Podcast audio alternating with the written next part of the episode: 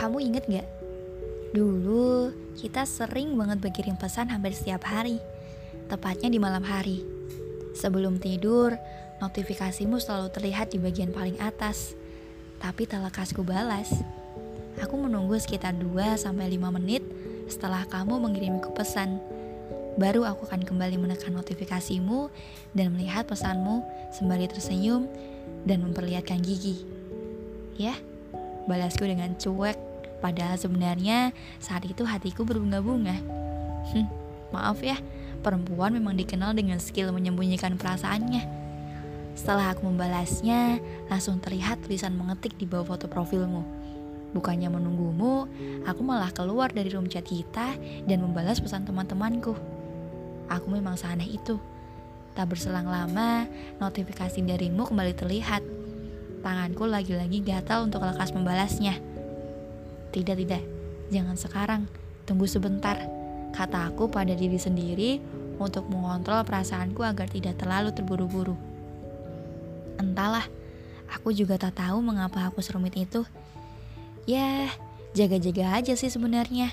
Aku tak ingin terlalu jatuh pada rasa yang belum tahu akan berakhir seperti apa. Dulu, aku kerap kali terluka dan aku tak ingin seperti itu lagi untuk kesekian kalinya. Jadi, malumin aja ya. Aku selalu melakukan siklus yang sama saat berkirim pesan denganmu selama beberapa waktu.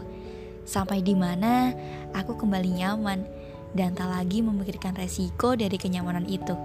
Ya, aku tak lagi memikirkan resiko yang paling ingin aku hindari, yakni sakit hati. Setelah kita dekat selama beberapa bulan, rasa yang sebelumnya selalu ingin aku cegah kembali muncul dengan sumringah. Ada banyak cerita di pertemuan-pertemuan kita. Ada banyak bahagia di cerita-cerita kita. Ada banyak rencana di sela-sela obrolan kita. Waktu itu, rasanya hidupku kembali terang setelah gelap yang sebelumnya menyerang. Waktu itu, hari-hariku selalu berwarna setelah sempat beberapa waktu terjebak dalam gulita kamu benar-benar semenyenangkan itu sampai aku lupa yang menyenangkan juga bisa pergi meninggalkan.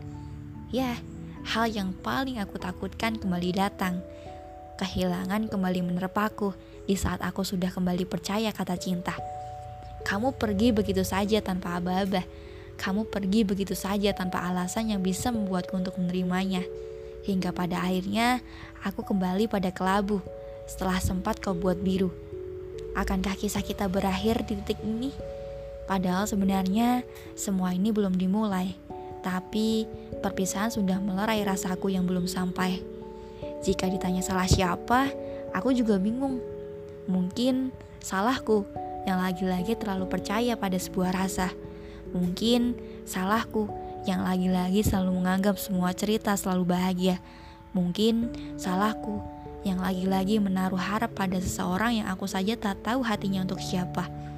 Ya sudahlah, mungkin memang aku harus belajar lagi dari luka ini, supaya lain kali bisa lebih hati-hati untuk memberi hati. Terima kasih ya, sudah menyumbangkan kenangan di Museum Lukaku.